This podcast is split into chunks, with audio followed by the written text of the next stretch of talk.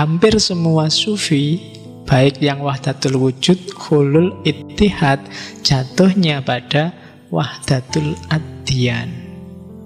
Agama-agama itu hanya cara setiap orang untuk ketemu Tuhannya. Jadi dia tidak utama dan yang pertama. Kita lihat langsung puisinya ya. Tafakkartu fil adiyani jadda tahakkukin Fa'alfaituha aslan lahu sa'ban jamma.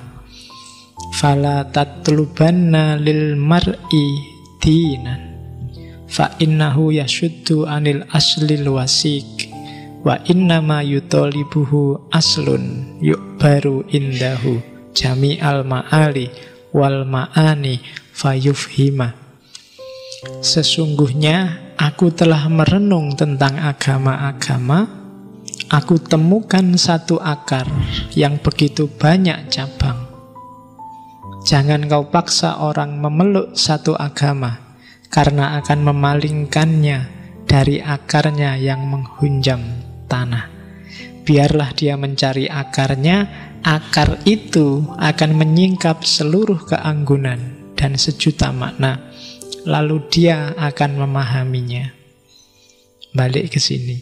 Katanya Al-Halaj, agama itu skenario-nya Allah. Kalian sudah di skenario untuk jadi muslim. Yang lain memang di skenario Allah untuk jadi Kristen. Maka jangan maksa orang pindah agama. Seolah-olah kamu harus bebas mikir ya pindah agama. Padahal kamu sendiri nggak bebas. Kamu dulu jadi Islam kan ya karena bapakmu Islam lahir di lingkungan umat Islam. Yang Kristen juga begitu, yang Hindu juga begitu. Itu sudah skenario nya Allah katanya Al-Halaj. Jangan maksa-maksa orang pindah agama, dia akan kehilangan akarnya. Dia akan lepas dari hikmah yang sudah dijalin sejak dia kecil. Biarkan aja di situ pada puncaknya semua akan bertemu. Ketika orang pindah agama itu kan kayak orang ngulang lagi prosesnya dari nol, spiritualitasnya jadi netral lagi.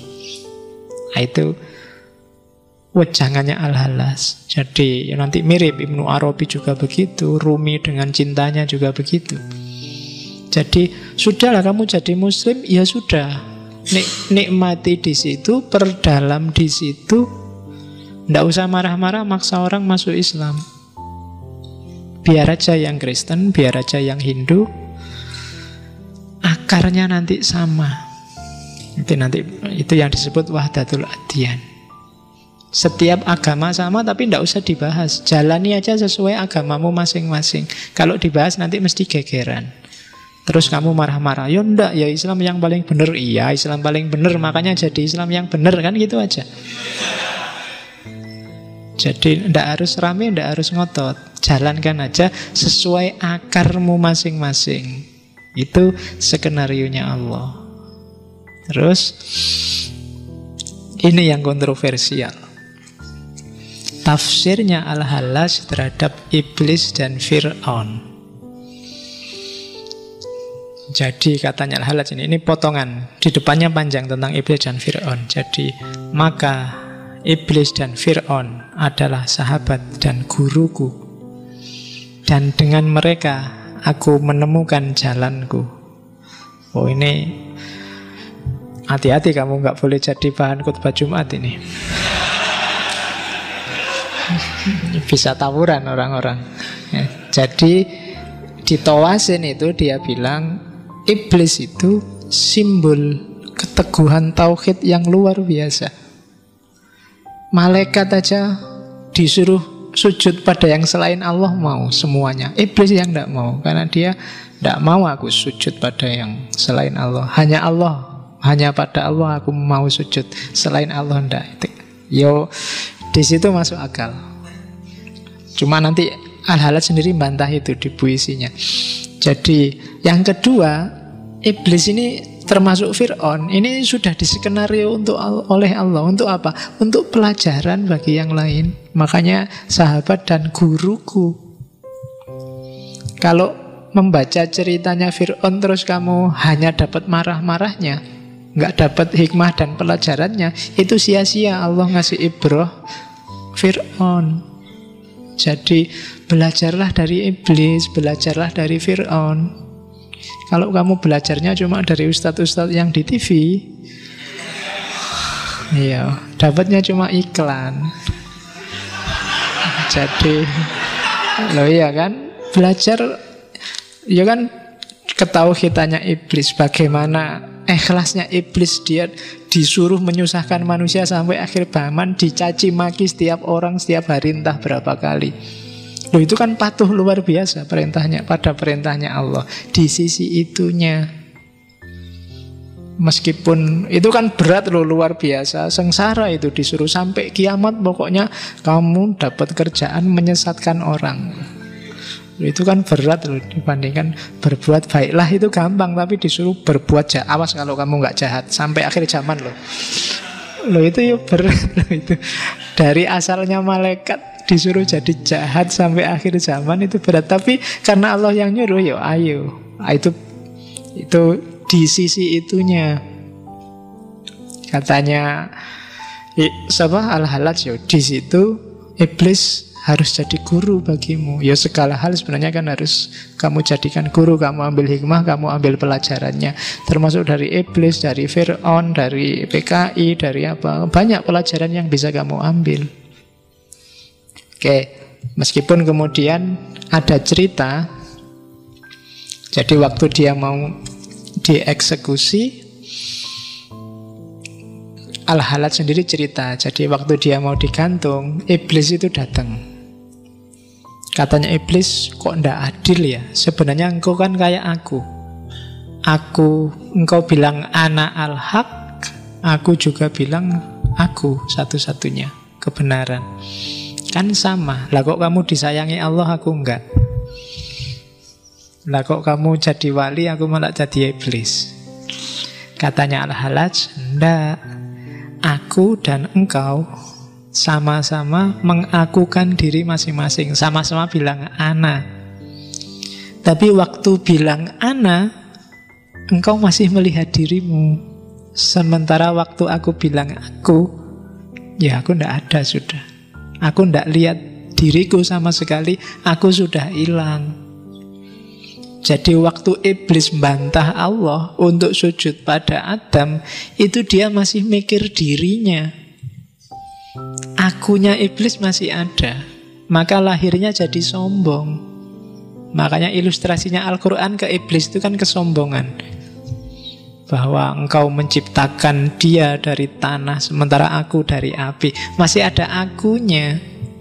Katanya Al-Halat, salahmu di situ, please. Kan gitu. Ya.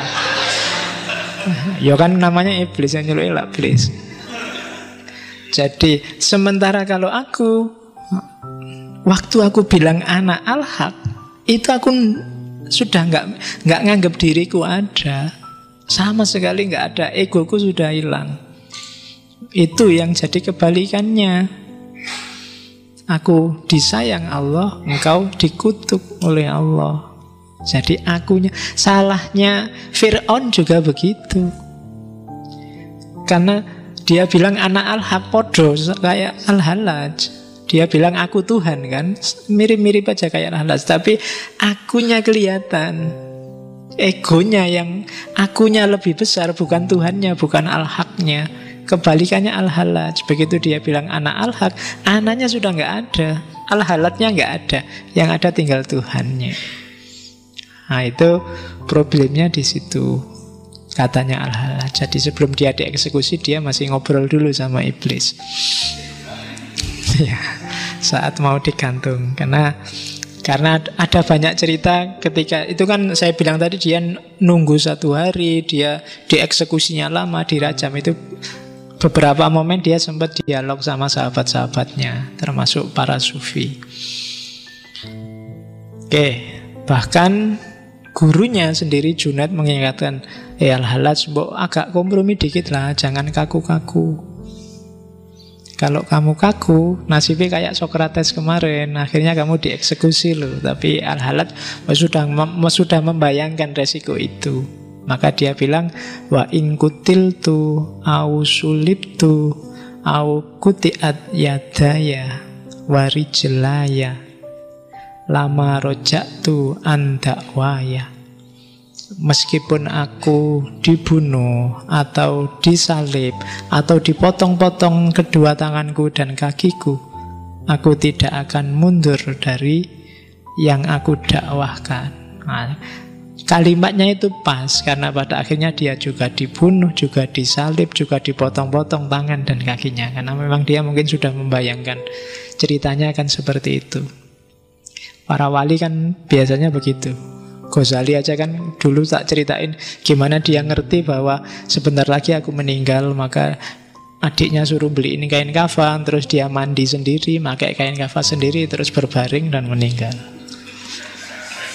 Lo ya. Kalau vis iya, Ghazali itu begitu meninggalnya. Jadi dia sudah siap-siap ngerti sudah mau dipanggil. Oke. Kalau di Jawa kemarin kan ada Ronggo Warsito yang bisa meramal pas kapan dia meninggal.